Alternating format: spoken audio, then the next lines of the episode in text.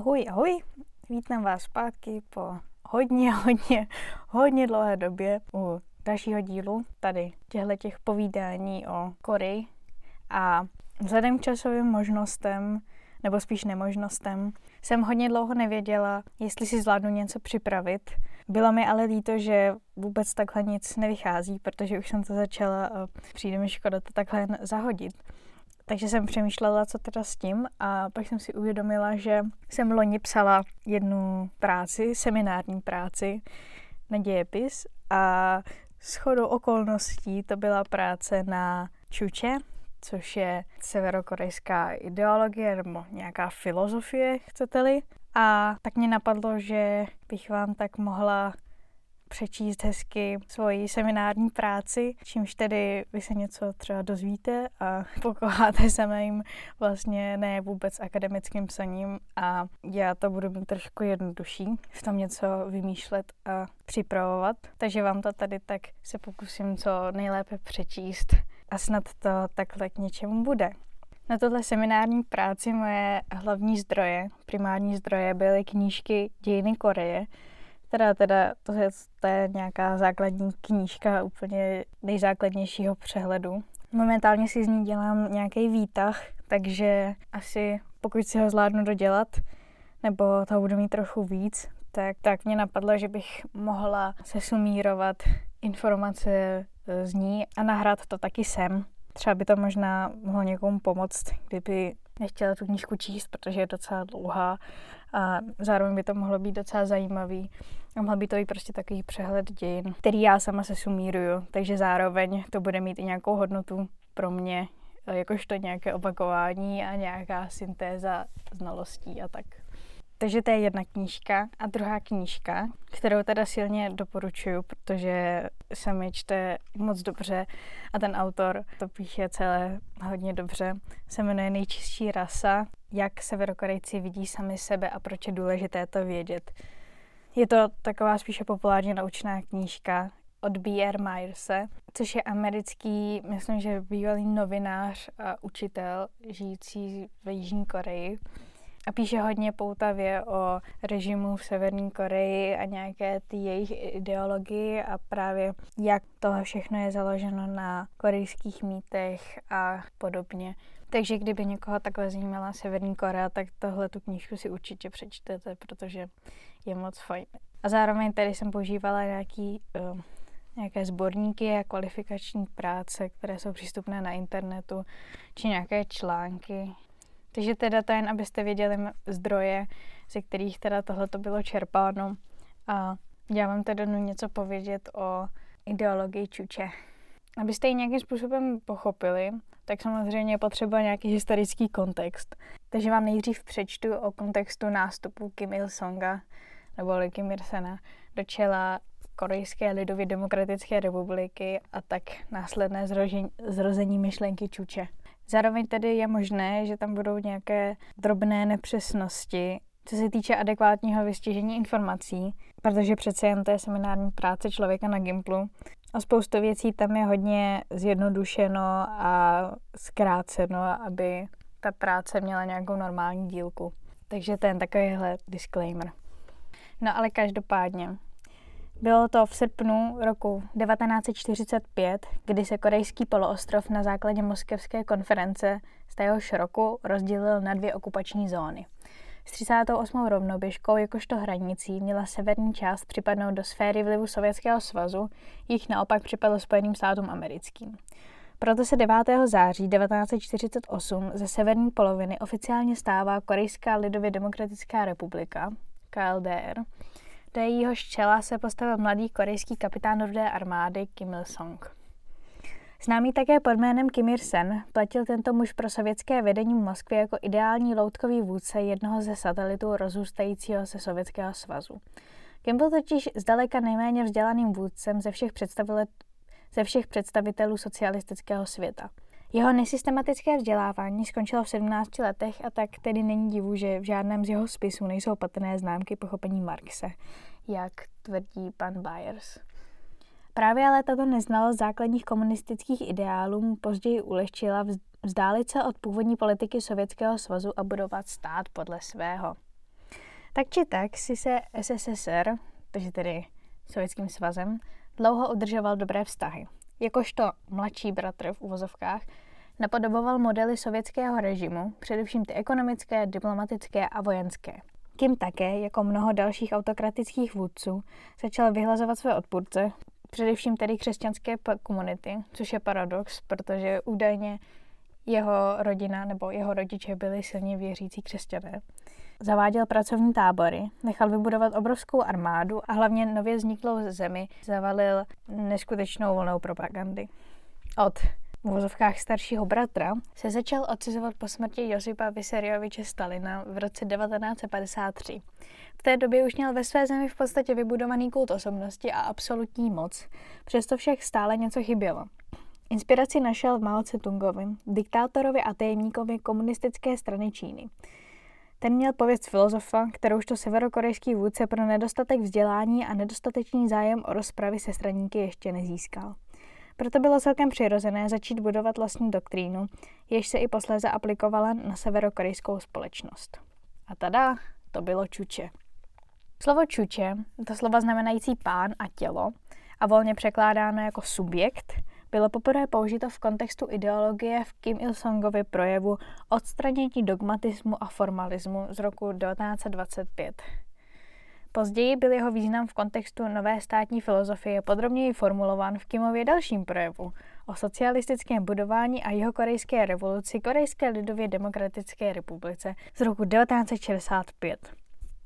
Jak se také můžete dočíst v nejčistší rase, tak většinu těch projevů, tedy vlastně žádný projev si tak jako nepsal sám, měl k tomu celý propagandistický aparát, který toto sepisoval. Takže proto to zní tak učeně i tedy přesto, že neměl moc vysoké vzdělání. V obou poukazoval na to, že podmínky v KLDR a SSSR jsou odlišné a tak by Severní Korea neměla jen následovat politiku Sovětského svazu, ale aplikovat ideály marxismu, leninismu na korejské prostředí. Tak jinak prostě dělat si to po svém. Také neschvaloval umírněnější politiku Nikity Chruščova, což byl tedy nástupce Stalina v eh, Sovětském svaze, který se navíc společně se sovětským vedením na desátém svězdu komunistů v roce 1956 mimo jiné ohradil proti Kim Il-sungově budování kultu osobnosti.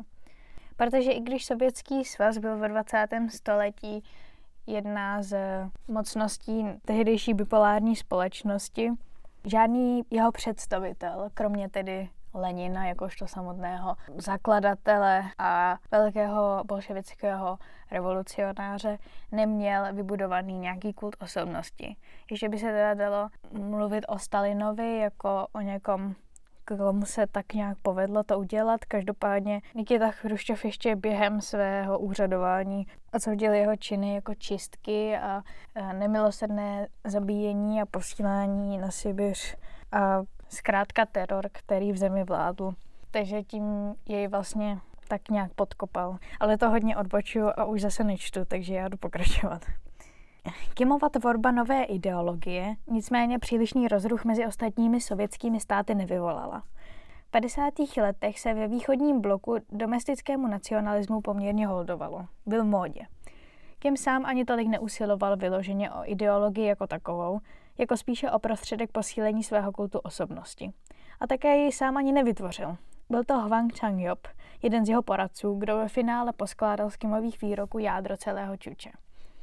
Na papíře se jedná o ekonomickou doktrínu a ideologii založenou na filozofickém principu, že jsou masy lidí zároveň pány a hnací silou revoluce a výstavby. Jinými slovy, že člověk je pánem svého osudu a je schopen ho tvarovat. Ideologie se v průběhu let obsahově vyvíjela, ovšem za vlády Kim Il-sunga, jak ji poprvé uceleně představili propagandistické noviny Rodong Sinmun, což jsou jedny z nejznámějších periodik severokorejských, v roce 1972 se stávala ze tří hlavních principů. Nezávislé politiky, jinak čaju, ekonomické soběstačnosti, jinak také čarip, a sebeobrany ve vojenské politice, tak jinak čaju. Teď si trošku rozebereme tady tyhle ty tři principy. Tak nejdříve tedy princip čaju, což znamená svoboda. Tento koncept má podle oficiálních dokumentů spočívat v nezávislosti lidu v myšlení a politice, přičemž politika musí být Přičemž politika musí plnit přání mas. Mas lidí, ne mas jako jídla. Samozřejmě. Kim zdůrazňoval, že člověk bez čaju nikdy nemůže jít vlastní cestou a politik bez čaju nemůže dobře pracovat pro svůj lid. Kim si spolehlivě upevňoval svůj kult osobnosti a stavil se tak do role vůdce, který tím, že v úzovkách jde svou vlastní cestou, slouží lidu. Uplatňoval jej začal od prosincového projevu v roce 1957. Druhý princip, carib, tak jinak soběstačnost, byla Kimem vysvětlena na prvním zasedání korejské strany práce v roce 1958, takže rok potom, co představil princip eh, čaju, takže svobodu. Představil ho jako základní pro získání životní jistoty státu. Jednalo se o docílení soběstačnosti v ekonomice, zaměřené silně na vojenský průmysl. Později Kim upřesnil vztah mezi tímto principem a principem čaju, jakožto dva elementy, které jako jediné mohou doopravdy zaručit nezávislost státu. Paradoxně se však KLDR po aplikaci těchto principů a provedení první korejské pětiletky, pětiletka je pojem v ekonomice a je to prostě plánovaná ekonomika komunistických států na dalších pět let. Fungovalo to i tady a e, moc to nefungovalo a tam evidentně taky ne. Protože se Severní Korea dostala do hluboké krize, jež vyvrcholila hladomorem v 90. letech. No a nakonec tedy princip čaju, nebo spíš čají, což znamená sebeobrana. A podle tohoto principu nesmí obrana lidu a státu záviset na cizích zemích, ale na zemi samotné. Takže vlastně naprosto odsuzuje veškeré organizace jako NATO a OSN a tedy tyhle ty mezinárodní organizace postavené na spolupráci a vzájemné ochraně. Teda takhle aspoň já si to interpretuju. Princip čaju podporuje koncept výstavby a revoluce, přičemž je vojenská síla jediným prostředkem k ochraně a politické nezávislosti před imperialisty. Tvrdil Kim. Tím Čavi dalo v podstatě vzniknout přístupu politiky zvané Songun, volně přeloženou armáda na prvním místě, jež si zakládá na směřování zájmu, na budování vojenských schopností a prosazování věci socialismu s revoluční armádou jako její hlavní silou a opěrou. Tedy tento um, přístup politiky Songun potom oficiálně uplatnil nebo oficiálně uvedl Kim Il-sungův syn Kim Jong-il. Asi o tom ještě bude řeč. Tak, to jsme takhle krátce probrali ty tři principy a přesuneme se dál a to na přijetí ideologie a Kimova kultu osobnosti veřejností. A jak jinak se lidem nejlépe podsouvá ideolo- ideologie než propagandou, že? Takže tvůrci Kim Il-sungovy propagandy v KLDR měli jistou výhodu v tom, že Korea jako stát byla 35 let okupované území Japonskem, konkrétně 1910 až 1945 jestli vás zajímají letopočty. A tedy důležité to bylo v tom, že jim velmi pomohlo ve stylu propagandy a v podstatě až určilo směr. Japonsko se totiž během okupace postavilo pro Koreu do role jakéhosi staršího bratra, jakým teďka bylo SSSR v podstatě, ke kterému by měla Korea zlíšet, poslouchat ho a následovat ho. Jak už jsem říkala, podobnou taktiku později zvolil i Sovětský svaz, který se stal pro svůj východoazijský satelit opět teda tím starším bratrem. Jehož radostí i povinností bylo chránit nebohé KLDR před imperialismem a pomáhat naplnit správné ideály. Korea teda vždy měla roli mladšího sourozence, na kterého musí někdo dohlížet jako na dítě. To slovo dítě je velmi důležité. Pro propagandistický aparát tedy nebylo těžké pokračovat v tradici a pomocí tradičních korejských mýtů o Kimově původu a předcích z něj udělalo pečujícího o svůj dlouho utlačovaný národ se zajímajícího ochránce a vůdce. Přímo rodičovského vůdce, kteréhož to přízviska se mu i posléze dostalo. Takže on se vlastně stavil paradoxně ne do role otce, ale do role matky, což se také můžete dočíst v knížce Nečistí rasa kdy tedy ten svůj národ bral jako, nebo bylo to prezentováno, že ten svůj národ, svůj severokorejský národ bral jako své děti, kterým chtějí všichni ublížit, takže on je musí ochránit a vzít do své náruče. No jak se ale tahle propaganda dostala mezi lidi? Tak samozřejmě hlavně přes masová média, což je obecně všude největší šiřitel propagandy a ať je jakéhokoliv ražení. Komunistická strana eh, KLDR stále tedy má ve své zemi monopol na téměř všeškeré, veškeré informační kanály. Informace občanům poskytuje vládní agentura, populárními jsou stranické noviny Rodong Shimun, u kterých tu už byla zmínka. Neoficiální kanály jako zahraniční rádiová vysílání či neoficiální magazíny a další periodika jsou přísně zakázány a jejich šíření je trestné. Velký problém pro severokorejskou propagandu představovala stále představuje i korejská literatura, napsaná před rokem 1945, kdy doba ještě nebyla tak represivní. Romanopisectví bylo hned od 50. let také důležitou součástí propagandy. Sloužilo pro objasnění velkých činů rodičovského vůdce, tedy Kim Il-sunga, který sám velmi hodoval beletrii. Podle článku na internetu o severokorejské literatuře. Co se týče filmového průmyslu a poezie, propaganda se i zde začala hojně využívat. Především po nástupu Kim Jong-ila se kultura stala jejím významným nositelem. Ale na to by vydala celá práce o propagandě ve filmu a využívání například amerických zběhlíků nebo cizinců po korejské válce, aby k tomu, aby v nich hráli. O tom je zase trošku jiná knížka. To se jmenuje Komunistou z donucení a je to právě o americkém uh, dezertérovi, který 40 let strávil v Severní Koreji a pak se vrátil do Ameriky. A není to fikce, je to v podstatě autobiografie. V podstatě určitě to je bio, autobiografie. To si také můžete přečíst od Charlesa Jenkinse. Takže o tom by prostě vydalo další celá práce.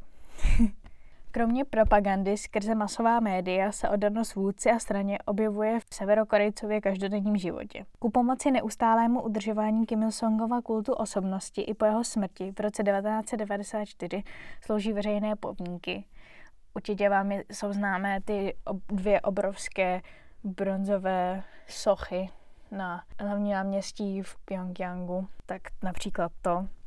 Rudé vlajky, plakáty, billboardy, slavnosti na vůdcovou počest, povinnost mít vůdců v portrét vystavený doma, účastnit se pro studenty povinných politických sezeních, či se řídit podle kalendáře Čuče, což je variace gregoriánského kalendáře, akorát počíná dnem narození Kim Il-sunga, takže 15. dubnem 1912. Takže momentálně mají v Severní Koreji rok 121, skoro, 120 pořád ještě.